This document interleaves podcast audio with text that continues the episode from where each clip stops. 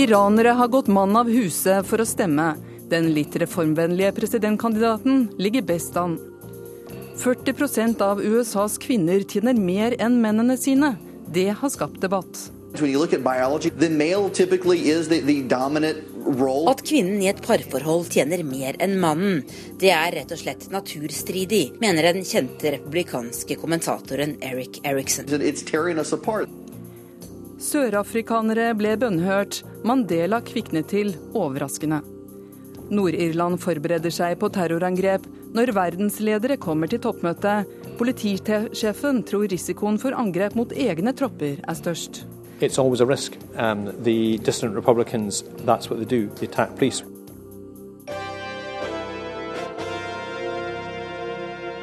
Velkommen til Verden på lørdag 15.6. Jeg heter også Marit Befring.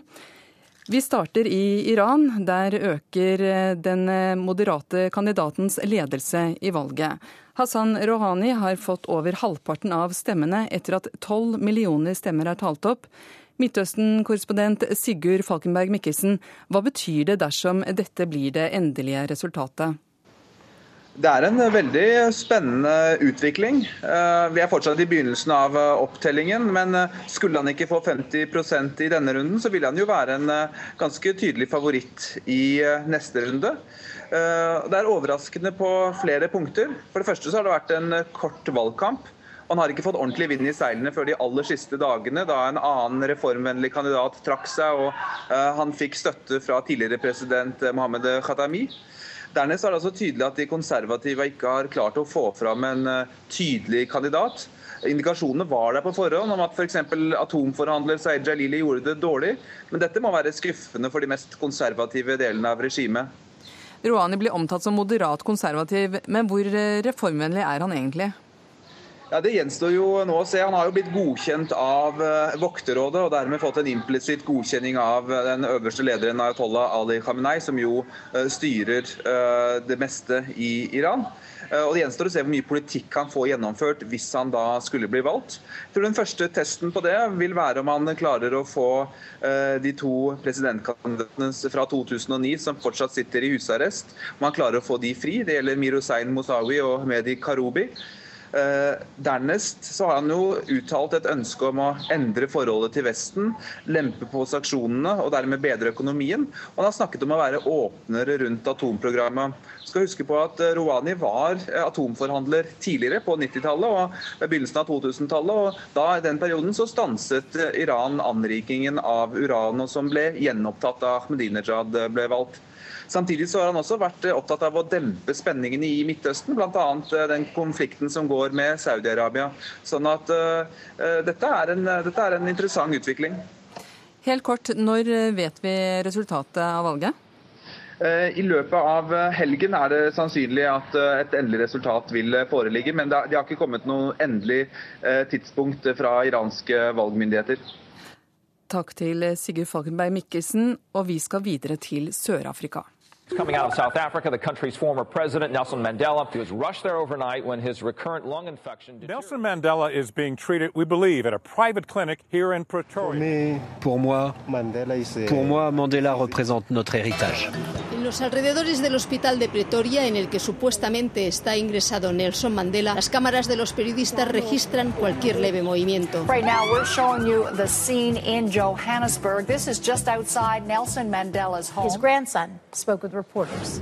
We are particularly honored to have received the many prayers and messages. Encouraging news tonight after that health scare for Nelson Mandela. They are watching and waiting anxiously in South Africa and around the world for that matter.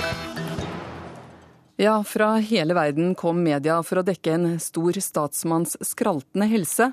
Men i Sør-Afrika ble de som ba for Nelson Mandelas liv, hørt. På åttende dagen behandles han nå på sykehuset i Pretoria. Jeg eh, snakket rett før sending med korrespondent Lars Sigurd Sunnane og ba han beskrive den siste ukas begivenhet. Først og fremst som en kraftig påminnelse om hvor ille og umenneskelig det hvite rasistiske apartheidregimet må ha vært for millioner på millioner av svarte sørafrikanere i tiårene det varte fra 1948 frem til 1994.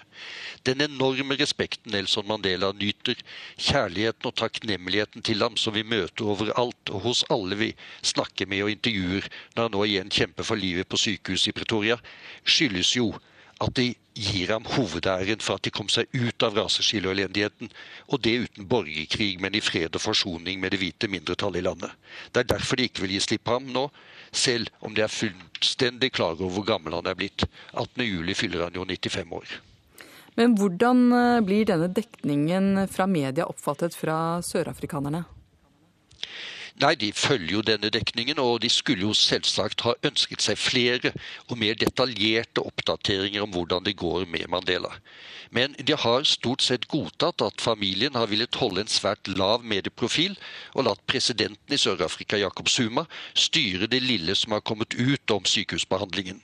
Hva, hva er reaksjonene på det voldsomme mediepresset? Nei, sørafrikanerne har tatt det med fatning. Dette er jo fjerde gangen på et halvår at landsfaderen og fredsprisvinneren innlagt på sykehus med alvorlige lungeproblemer. De har vært igjennom dette tidligere, så sent som i mars-april varte sykehus, sykehusinnleggelsen med stort medieoppbud ti dager, og i desember 18 dager. Da ble han jo også operert for gallestønn. Tom Christiansen, tidligere korrespondent i NRK. Vi hører at folk vil ikke gi slipp på Nelson Mandela. Men han er jo blitt en gammel mann, han er jo snart 95 år. Eh, hva kommer til å skje eh, når han dør? Det er jo den dagen sørafrikanere, alle sørafrikanere, svarte som hvite, har gruet seg til. Hva skjer da? Det er som å ha en far du er avhengig av det er eh, det nye demokratiet. Det var han som skapte det. Det var han som ga den friheten. Det var han som skapte forsoningen. Det er han som har skapt veldig mange. Og hva skjer når han blir borte? Folk flest syns det er veldig rart og utrygt å leve uten Nelson Mandela den dagen han måtte dø. Men Sør-Afrika går jo videre, for Mandela har jo ikke deltatt i politikken på, på, mange, mange år. Han har ikke blandet seg inn på noe vis. Eh, Sør-Afrika er et robust, eh, riktignok et skrøpelig demokrati, men et robust samfunn med masse eh, sivile organisasjoner, god oppbygning, infrastruktur. Så Sør-Afrika går videre. Men det går jo videre med et lederskap som står langt fra det Mandela sto for. Ja, Det har vært eh, president Jacob Zuma som har informert om eh, sykeforløpet. Det er jo litt eh, pussig at han har legens rolle der? Ja, og det, det, det, skulle vel kanskje vært slik at familien hadde hatt en, en, person som fortalte hvordan det sto til med Mandela, men det er det altså presidenten som gjør. Og hvorfor gjør han det? President Zuma har brukt mange anledninger til å sole seg i glansen fra Nelson Mandela og hva skal jeg si, få litt av hans autoritet. Det var et tilfelle for et par måneder siden hvor Zuma med fotografer og filmfolk dro hjem til Nelson Mandela for å for å ta bilde av ham sammen med Mandela, for da var han frisk nok til å sitte i en stol. Det var også alt han var frisk nok til. Og vi så på bildene altså en, en dødssyk Nelson Mandela som plaget sitter der og ser på alle disse smilende menneskene som omkranser han. Det var Zuma som forsøkte å stjele litt av Mandelas verdier.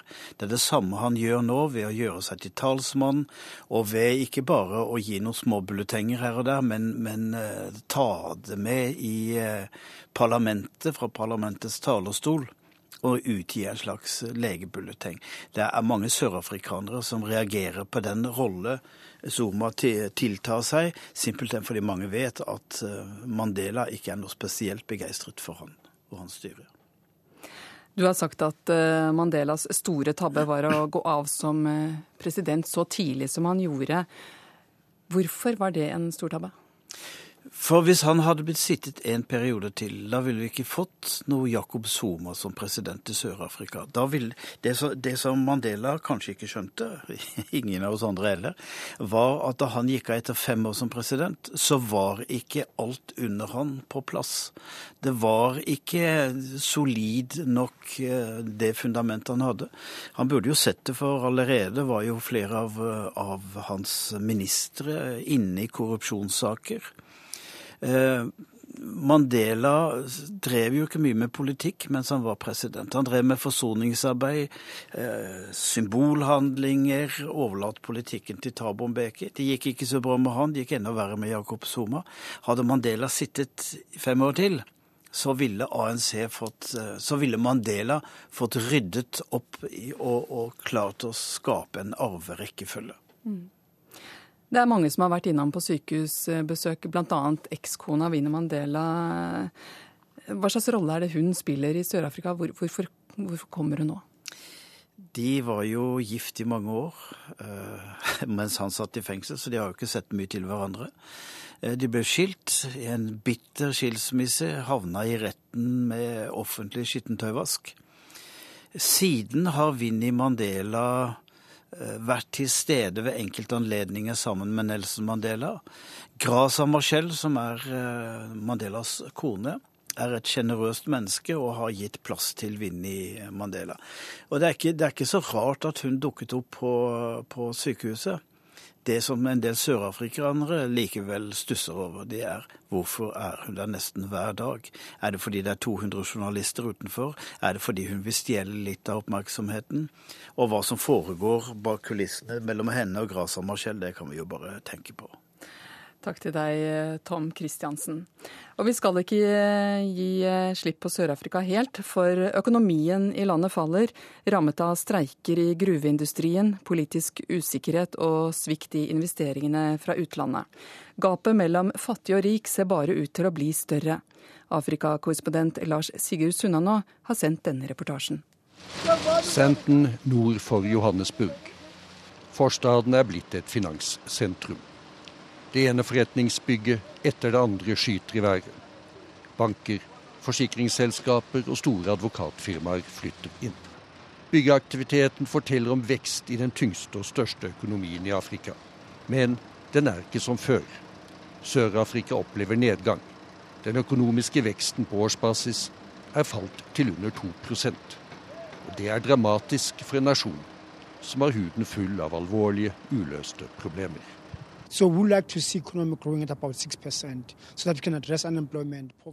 Vi burde hatt en vekst på 6 Da kunne vi få gjort noe med arbeidsledigheten, fattigdommen og ulikheten i samfunnet, sier Lomkile Mondi. Han er sjeføkonom i Selskapet for industriell utvikling, IDC, i Santon, og frykter at den økonomiske nedgangen bare vil fortsette, så lenge Sør-Afrika ikke har ledere som kan gripe fatt i utviklingen og snu den.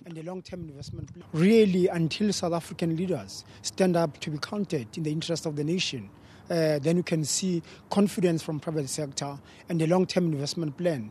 Uh, but at the moment, I'm very worried that we're going to see a continued contraction. Minst sju millioner sørafrikanere er i dag arbeidsløse. Særlig blant ungdommen er ledigheten skyhøy. I bydelen Cliptown i Johannesburg er så godt som alle unge vi møter, uten arbeid. Musikk og røyking av hasj fyller hverdagen. Men de ville gjerne hatt et annet liv. De hva med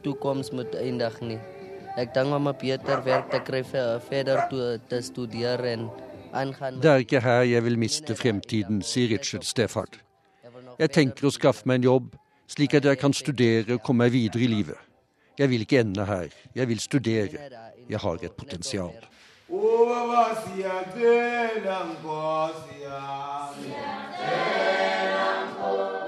Ikke alt er like mørkt i den lutfattige bydelen vi besøker.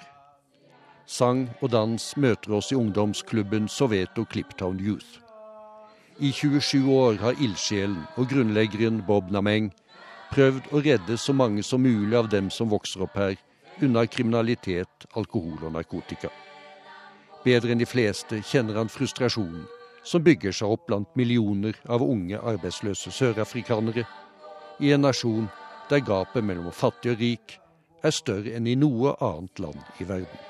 Any mind that is idling, doing nothing, is dangerous. It flows with anything. Could this explode into violence many places? Of course it has. You know, it's not a matter of it could. It has already because there are internal conflicts. Hjerner som går på tomgang er farlige. De ikke bare kan, de har allerede utløst eksplosiv vold mange steder, sier Bob Nameng. Ledighet skaper indre konflikter. det at de ikke arbeider, folk som forteller at de er ubrukelige, at de er en tapt generasjon, skaper et farlig sinne inni dem. Det rett og slett forandrer dem, sier han.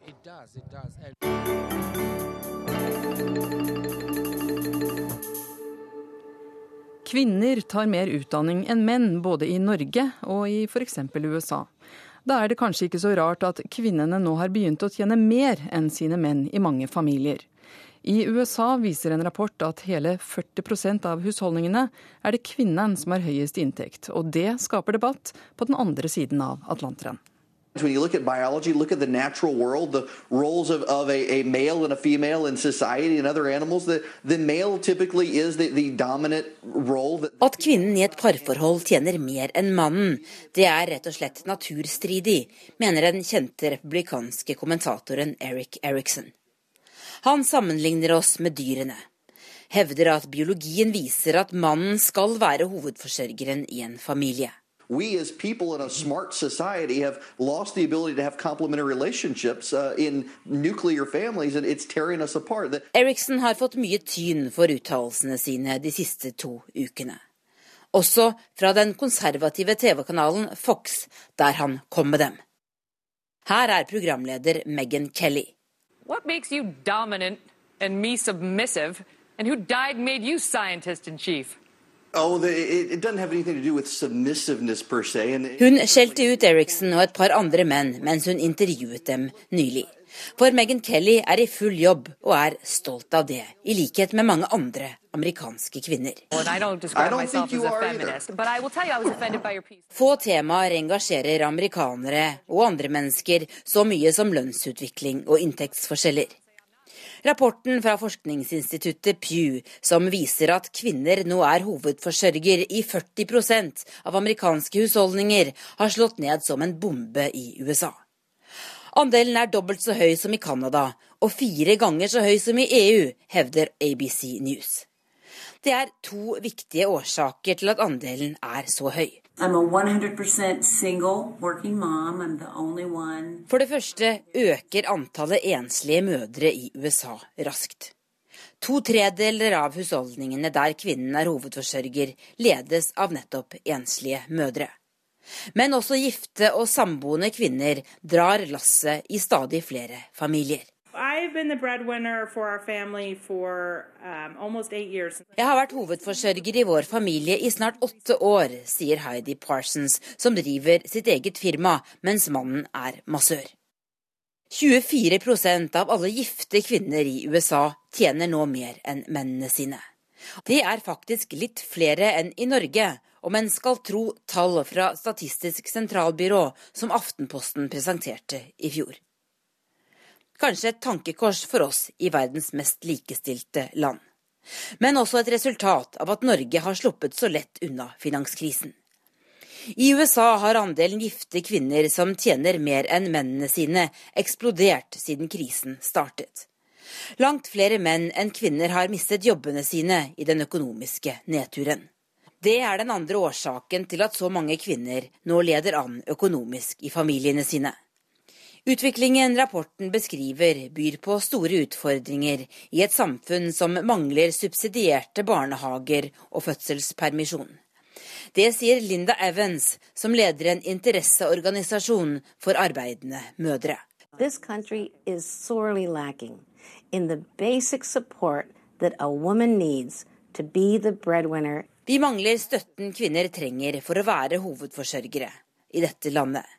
Dette er en krise og dette må Kongressen gjøre noe med, sier hun. Reporter var Tove Bjørgaas. Og vi blir i USA, for det er 50 år siden et av de mest dramatiske døgnene i borgerrettskampen. Sommeren 1963 kulminerte i marsjen mot Washington og Martin Luther Kings 'Jeg har en drøm'-tale. Men det startet i Alabama med to svarte studenter og en guvernør som sto fast, bokstavelig talt, for å forhindre deres adgang til universitetet. Wenche Eriksen har laget denne reportasjen for Verden på lørdag. The University of Alabama campus at Tuscaloosa is under a tight security guard of state police as Governor George Wallace appeals for calm. and prepares to confront a deputy U.S. attorney. The federal officers are armed with a proclamation from President Kennedy urging the governor to end his efforts to prevent two Negro students from registering at the university.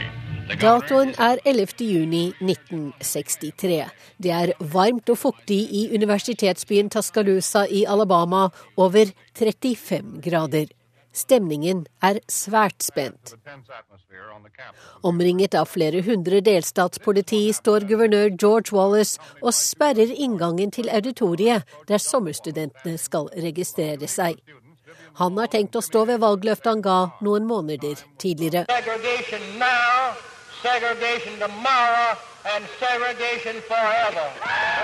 Alabama er den siste amerikanske delstaten som opprettholder raseskillet mellom hvite og svarte i skolene.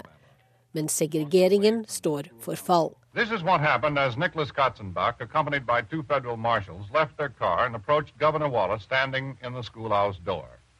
The two Negro students, Vivian Malone and Jimmy A. Hood, stayed in the car. The time was about 12:47 p.m. Eastern Daylight Time. Just a minute. Just a minute. The Deputy Attorney General of the United States. Med borgerrettighetsbevegelsen og føderale myndigheter i ryggen skal to svarte studenter, eller negere som de ble kalt den gang, kreve sin rett til høyere utdanning.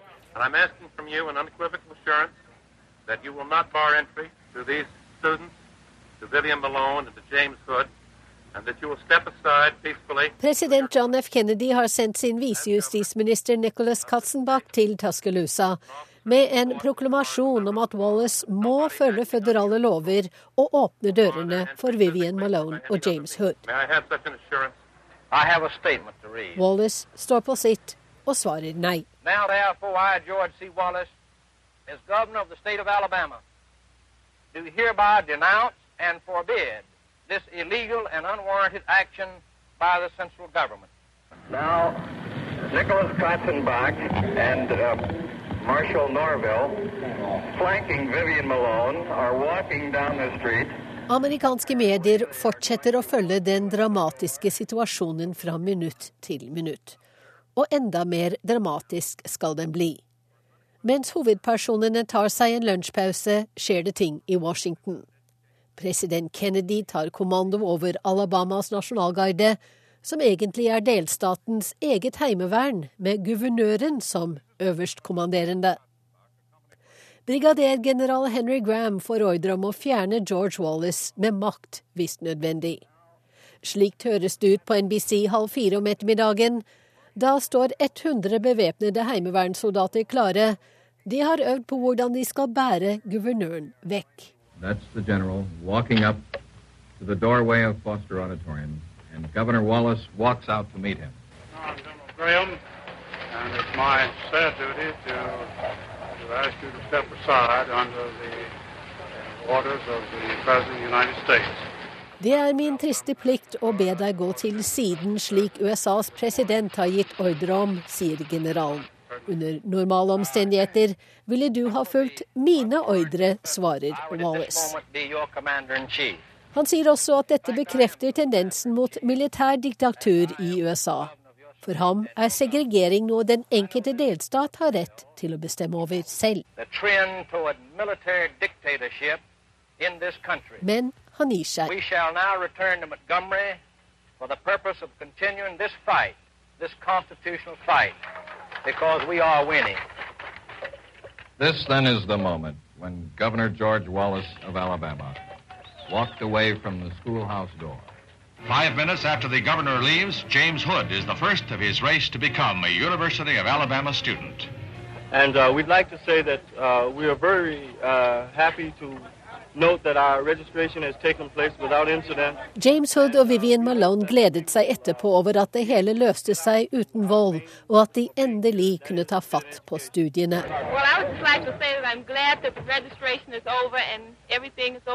Men mindre enn et halvt døgn etter ble borgerrettighetsaktivisten Medgar Evans skutt ned og drept utenfor hjemmet sitt i nabodelstaten Mississippi.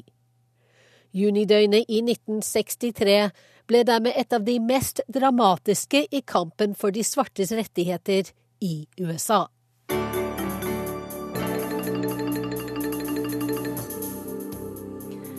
Klokka er 10.28, eh, og viktigste sak fra verden denne lørdagen er at Iran, i Iran har kandidaten som blir sett på som den mest moderate, tatt en overraskende ledelse etter at tolv millioner stemmer er talt opp. Men eh, det er fortsatt uklart om det blir en ny valgrunde, og det endelige resultatet er ventet først eh, i morgen. I Tyrkia er det varslet store demonstrasjoner i Ankara og Istanbul i dag. Politiet har i natt brukt vannkanoner for å jage vekk folk foran parlamentsbygningen. Den neste halvtimen skal vi høre at eh, forurensning har blitt et dødelig problem i Kosovo. Og i Berlin reises det gamle kongeslottet. Keiserens storhetstid skal tas tilbake.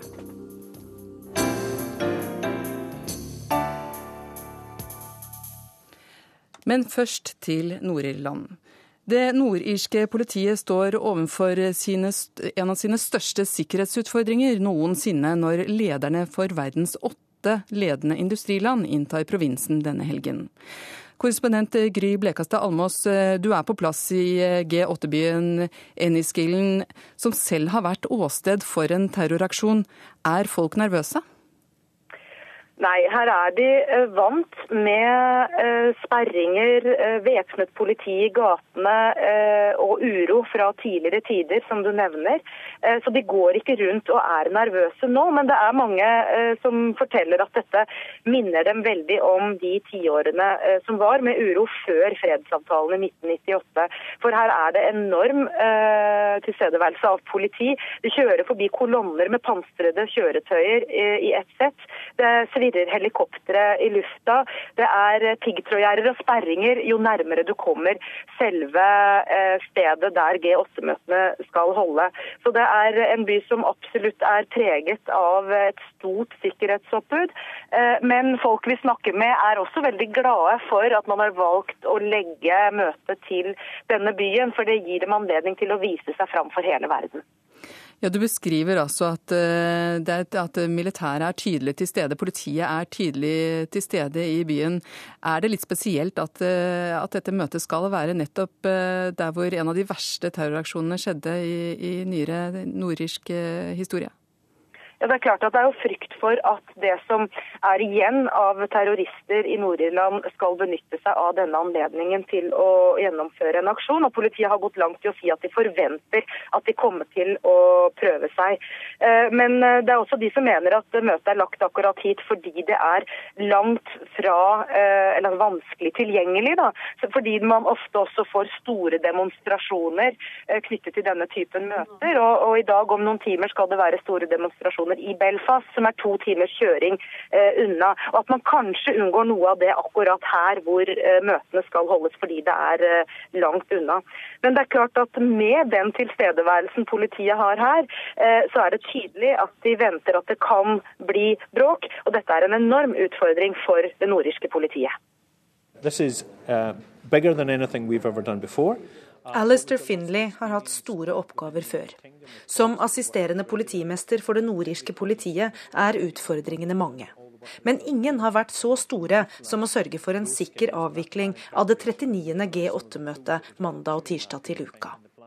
And a world interest could mean that um, threats travel with those individual leaders from abroad as, as they come in. So we've got to create an environment that is uh, safe, secure, they can be confident in. Å skape trygge omgivelser i Nord-Irland kan by på problemer. Republikanske dissidentgrupper har hittil i år gjennomført ni angrep på politifolk i Nord-Irland. De siste to årene har politiet i gjennomsnitt arrestert én person i uka.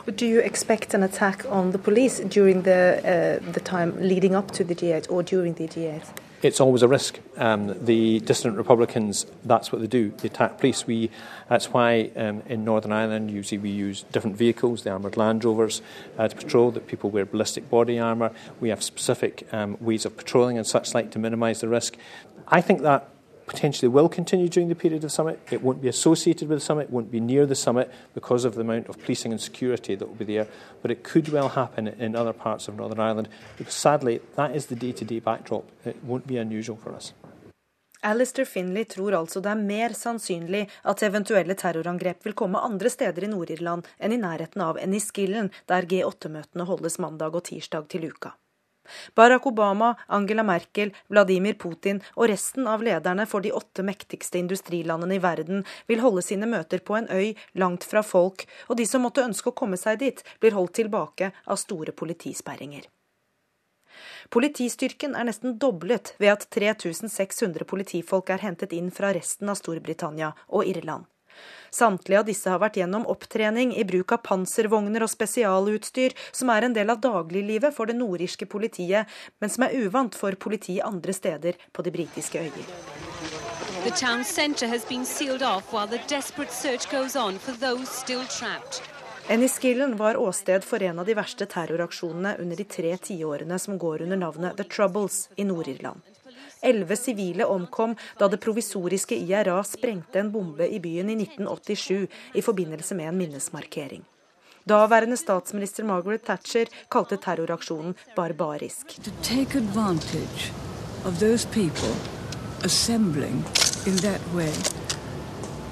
was really a desecration.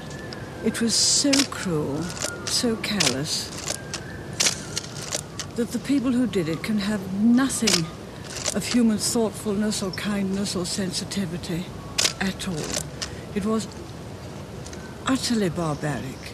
Drapene ble sett som et veiskille i den irske fredsprosessen som ledet fram til fredsavtalen i 1998. Men det er fremdeles republikanske grupperinger ledet ut av IRA som ikke aksepterer fredsavtalen, og som aktivt og voldelig kjemper for et forent Irland.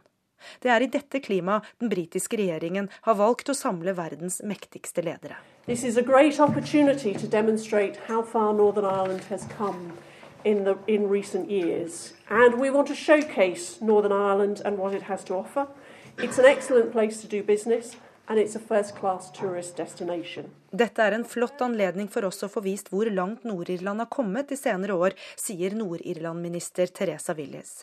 Hun håper verdenspressen vil vise fram provinsen som turistdestinasjon og næringsmulighetene der. Men det spørs om ikke fokuset blir et annet. Terrortrusselnivået i Nord-Irland er på nest høyeste nivå og definert som alvorlig. I resten av Storbritannia er nivået ett hakk lavere. How wise would you say it has been uh, from the uh, British uh, place the G8 meeting in the Northern Ireland with all the issues uh, you just talked about? Those issues are primarily against uh, policing uh, in Northern Ireland. We deal with that day in, day out. It is a great opportunity for Northern Ireland to showcase itself. The vast, vast majority of people in Northern Ireland want this to happen. It was like, it's a great honour to have all these world leaders come into effectively your backyard uh, and spend time in the beautiful surroundings of Northern Ireland. Sa assisterende politimester Alistair Finlay til korrespondent Gry Blekastad Almås. Storbritannia-ekspert Jan Erik Mustad, mange mener at eh, David Cameron spiller høyt når G8-møtet legges til en øy noen kilometer fra scenen til en av verdens, eh, eller nordirske, verste terroraksjoner. Eh, er det gambling? Nei, jeg tror ikke det er gambling. Storbritannia er veldig gode på sikkerhetstiltak. Det har de vist både i London og andre steder. Så jeg tror ikke at dette her er noe stor risiko. De ønsker nok å vise frem Nord-Irland nå. Det har vært fred og fordragelighet stort sett i Nord-Irland siden 2007. Og dermed så eh, kanskje er det enda viktigere for David Cameron å vise et nordisk samfunn som faktisk fungerer på, på samme måte som resten av Storbritannia. Men vi hører jo at det fortsatt er ukentlige arrestasjoner og hendelser i eh, Nord-Irland. Eh, hvordan er situasjonen egentlig? Situasjonen er stort sett rolig. Må huske at de hendelsene vi hører om er veldig, veldig få i forhold til det det var da konflikten var på sitt høyeste mellom 68 og 1998. Det er stort sett eh, utbrytergrupper fra eh, IRA eh, og også kriminelle fra den andre sida, altså lojalister, som står bak disse handlingene. Det har veldig liten støtte i befolkningen, og dette er også kriminelle elementer som en finner andre steder i Storbritannia og Europa ellers. Ja, hvor mange irske republikanske dissidenter er det egentlig? Det er ikke mange hundre. Eh, noen av disse gruppene som brøt ut av IRA da de la ned våpnene i eh, forkant av langfredagsavtalen i 1998, så er det spesielt to-tre grupper som kanskje drar på en ca. 100 medlemmer hver. Og Det er det som vi kaller continuity IRA eh, og real IRA. Der er det noen eh, foregangsfigurer som, som, er ganske sterke, og som har litt støtte. Men det er ikke noe terrortrussel vi snakker om, og det er ikke noe trussel i forhold til sånn som det var eh, på, på eh, 60-, 70- og 80-tallet. Du sier at eh, de ikke har støtte i befolkningen. Hvorfor fortsetter de da? Fordi at de enda mener, disse irske republikanske dissidentene, at det er den eneste måten å oppnå disse politiske mål på, å gjenforene Nord-Irland med Irland. De mener at Sinn Fein, som var den politiske fløyen av IRA, som nå er i eh, partnerskapsregjering med Det demokratiske unionistpartiet, at de har solgt sjela si, og at ved politiske metoder, så kommer man ikke noe nærmere en gjenforening. Så de ønsker enda å fortsette krigen, og fortsette den militante krigen for å få til denne gjenforeninga. Men det er altså 15 år siden eh, fredsavtalen ble inngått. Eh, hva har de oppnådd i løpet av disse årene etter? De har oppnådd veldig mye. De har først og fremst oppnådd eh, fred i forhold til det at de største paramilitære gruppene på begge sider har lagt ned våpnene.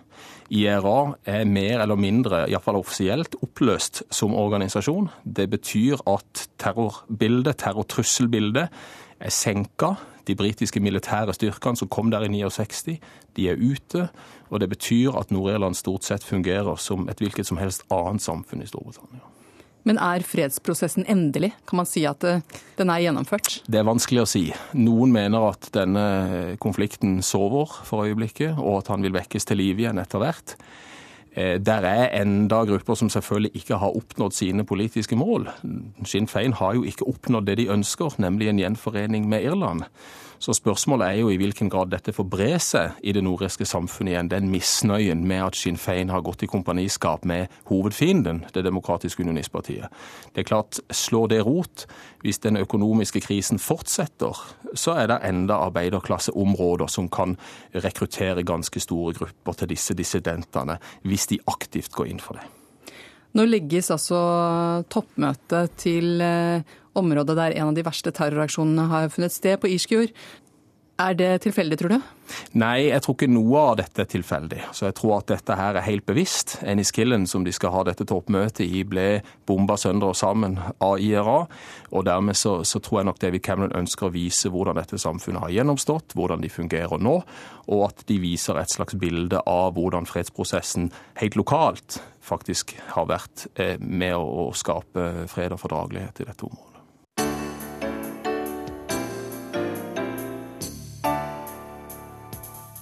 I Kosovo er det ikke lenger sikkerheten som er det største samfunnsproblemet, men forurensning.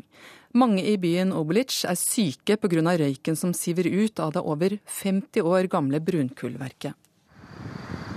Dette er ifølge Verdensbanken den verste forureineren i Europa. Kålkraftverket Kosovo Alfa ligger i byen Obelic, der også norske soldater var stasjonert.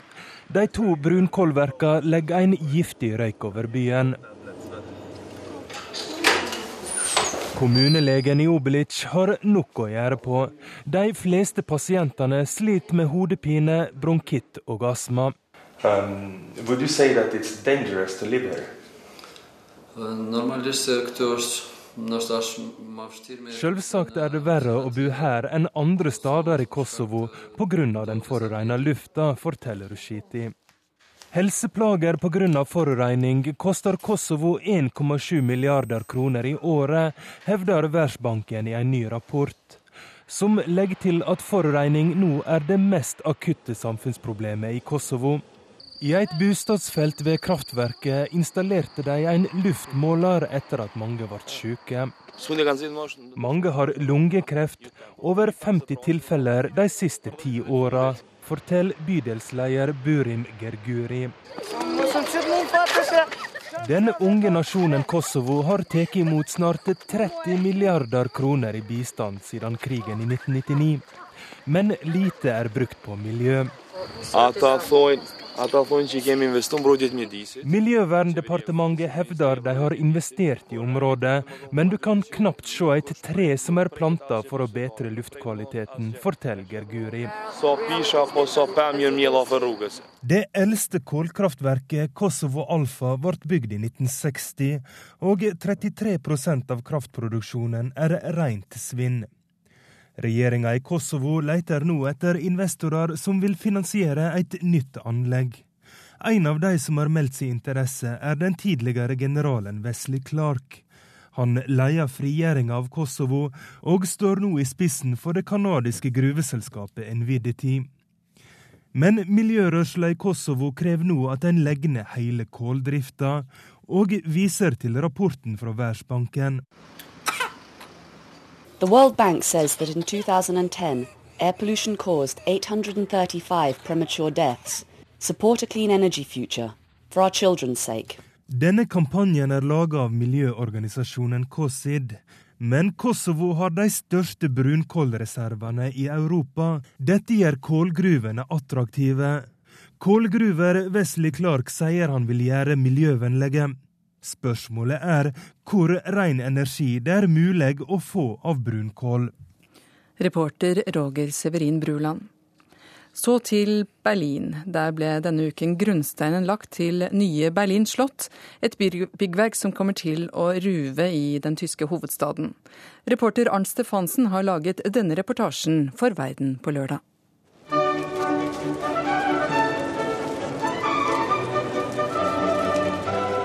Det var residens for kurfyrster, konger og keisere i et halvt tusen år, og det var et av de største og vakreste byggverk i det nordlige Europa.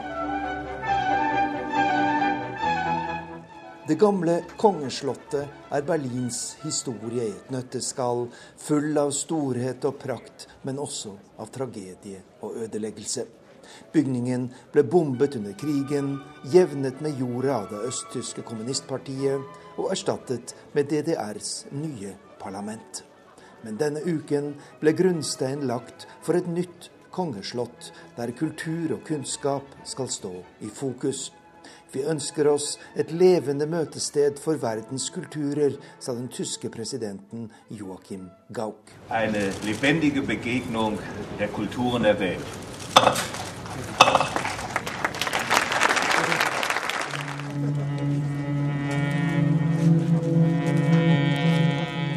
Et musikkverk med saksofon og javanesisk gong-gong er et av innslagene under seremonien.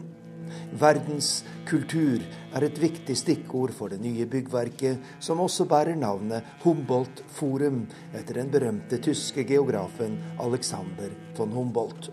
Store samlinger av kunst fra andre verdensdeler skal inn i bygget sammen med Berlins hovedbibliotek.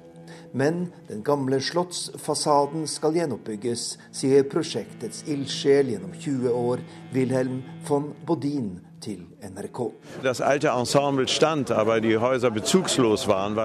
De store bygningene fra det gamle Berlin sentrum står der fortsatt, men vi mangler den viktigste, kongeslottet med den berømte barokkfasaden, som var selve hjertet i denne byen i hundrevis av år. Når vi om fem-seks år får dette bygget på plass, blir Berlin vakrere og mer interessant for besøkende enn byen noen gang har vært, sier slottsentusiasten og forretningsmannen Wilhelm von Bodin. Drei, zwei, eins, Zweifel! Ja!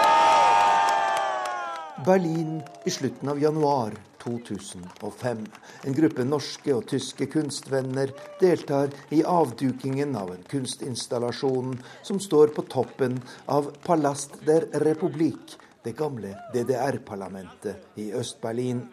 Den norske kunstneren Lars Ramberg har laget installasjonen som med lysende kjempebokstaver danner ordet 'Zweifel', tvil. Dermed går kunstverket rett inn i den bitre striden om hva som skal skje med bygningen. I dag vet vi resultatet. DDR-parlamentet ble revet, og det gamle kongeslottet skal reises på ny. Men selv om grunnstein nå er lagt for det nye Berlin slott, Humboldt-forum, så er tvilen fortsatt til stede hos mange berlinere. Noen rister på hodet over at en by på randen av konkurs bygger et slott til rundt en halv milliard norske kroner. Andre, særlig den østlige delen av byen, mener det gamle DDR-parlamentet kunne fått stå og blitt brukt til nye formål i det gjenforente Tyskland. Berlins borgermester Klaus Wowereit håper konflikten vil avta i tiden fremover. Det knytter seg fortsatt sterke følelser til dette prosjektet. Slått eller ikke slått er det store spørsmålet, og for mange hadde det vært mye bedre om vi droppet hele prosjektet.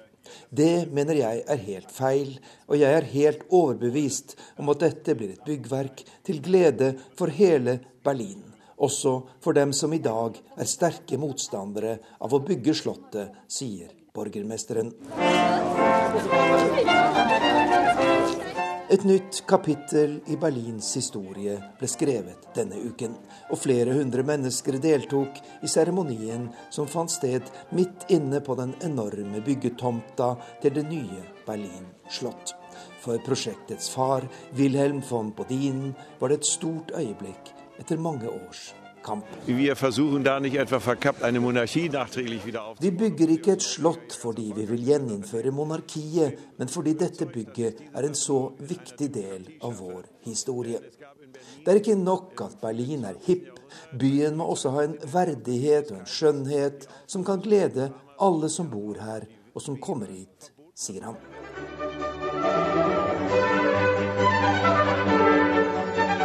Berlins kongeslott er på vei tilbake fra historiens mørke. Men når det om seks år igjen er på plass i byens historiske sentrum, blir det ikke et hjem for konger og keisere, men for kunst, kultur og kunnskap.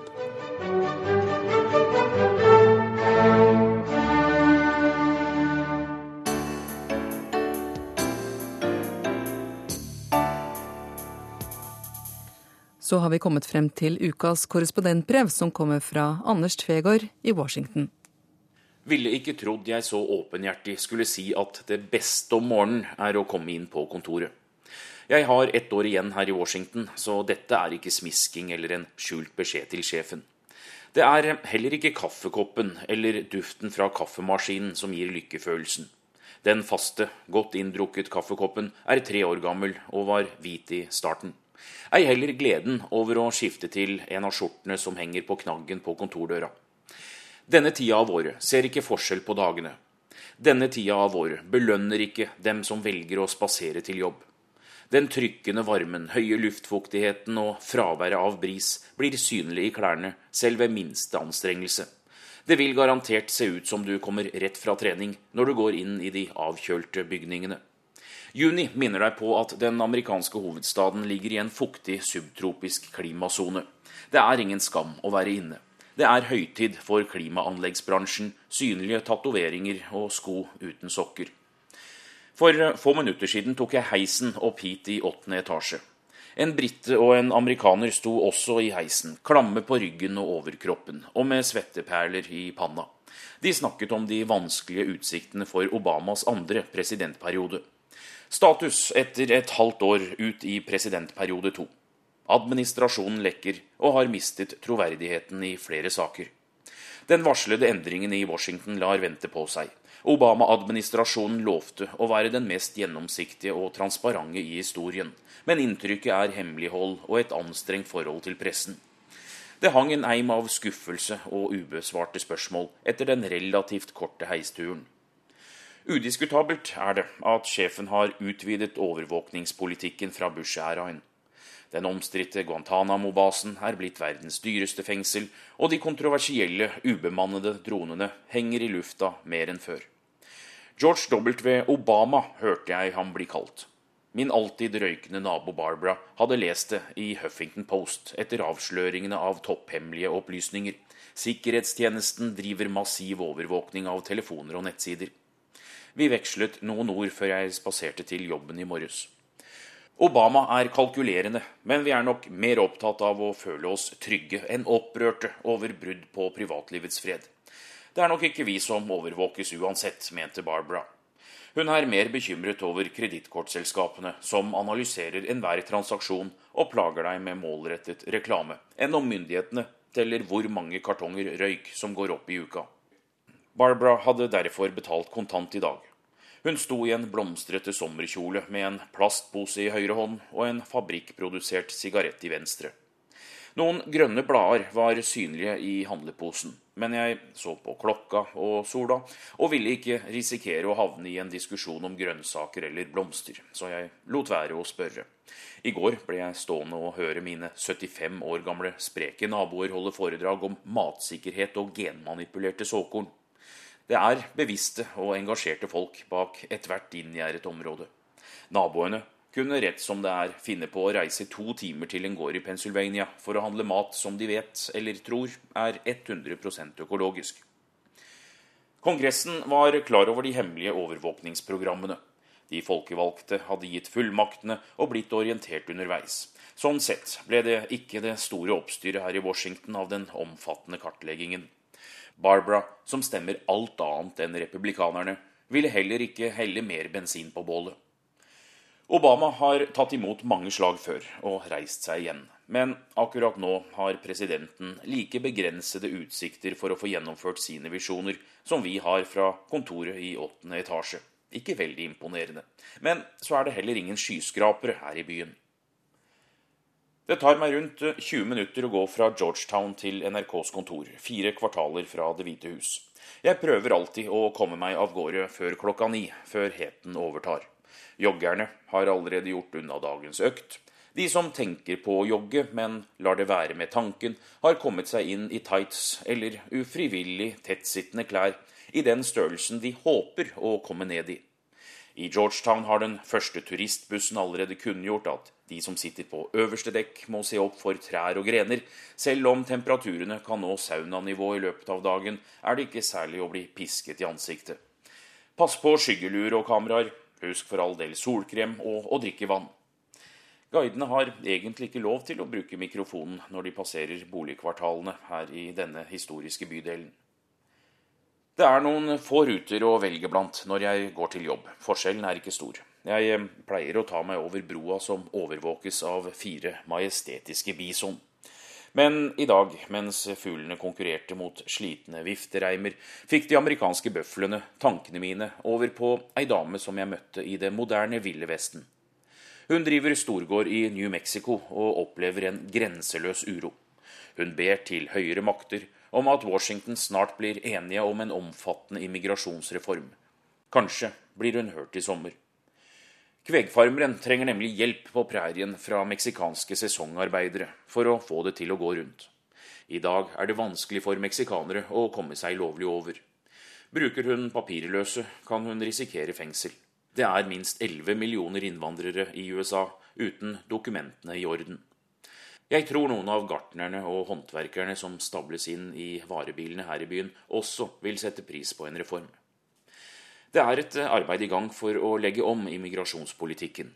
Kanskje vil det spire før Kongressen tar sommerferie i august og presidenten søker tilflukt i Kennedys rikmannsparadis Marthas Vineyard.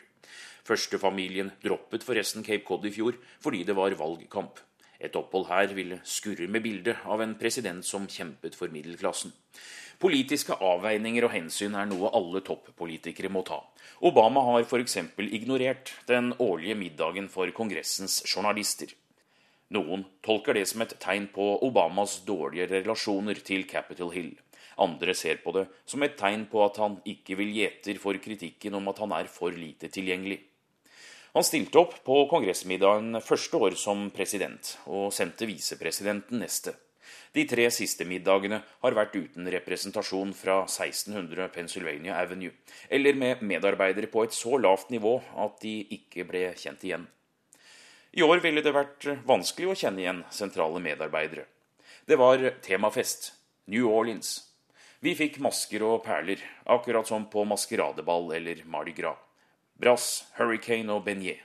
Selv Kongressens demokratiske innpisker Steny Hoyer danset til Storyville Stompers under paraplyene og kastet perlekjeder i de mektige lokalene til National Building Museum. En fire timer lang seanse med 100 bord og tre retter fra det kreolske kjøkken. Jeg klarte fortsatt å haste meg av gårde til jobb i en trykkende varme klokka ni neste dag. I baren hadde Chris Christie vært det store samtaleemnet. Ja, også på fest diskuteres politikk her i byen. Christie er guvernør i orkanrammede New Jersey, delstaten Bon Jovi, Bruce Springsteen, Whitney Houston og Frank Sinatra kommer fra. Christie er republikaner og har kanskje Det hvite hus i kikkerten. Han fikk en kinkig sak i fanget da en demokratisk senator fra delstaten døde to dager før festen vår. Christie sto mellom valget og utpeke en som skulle sitte til neste høst, og kunne gitt republikanerne nok en stemme mot Obamas planer i Senatet eller utlyse nyvalg allerede om noen måneder. New Jerseys lover var uklare, og Christies avgjørelse ses på som en potensiell genistrek i langsiktig politisk spill. Guvernøren er selv på valg kommende høst. Han ønsker en solid seier for å vise andre at han får overveldende støtte i en delstat med stort innslag demokratiske og uavhengige velgere. Et senatsvalg samtidig kunne kludre planene hans, fordi den som ser ut til å være favoritt for senatssetet, er en demokrat. Og skulle en populær demokrat dra folk til stemmelokalene samme dag som det skulle velges en guvernør, ville kanskje Christies seier bli mindre overbevisende ut fra dagens tall. Så han valgte å gå mot republikansk tankegang om ikke å sløse med offentlige midler. Christie utlyste senatsvalg som skal holdes 20 dager før guvernørvalget. Det koster New Jersey noen tjuetalls millioner dollar ekstra å holde to valg. Ikke bare summen provoserer økonomiorienterte republikanere, men også det at han angivelig setter seg selv foran partiet.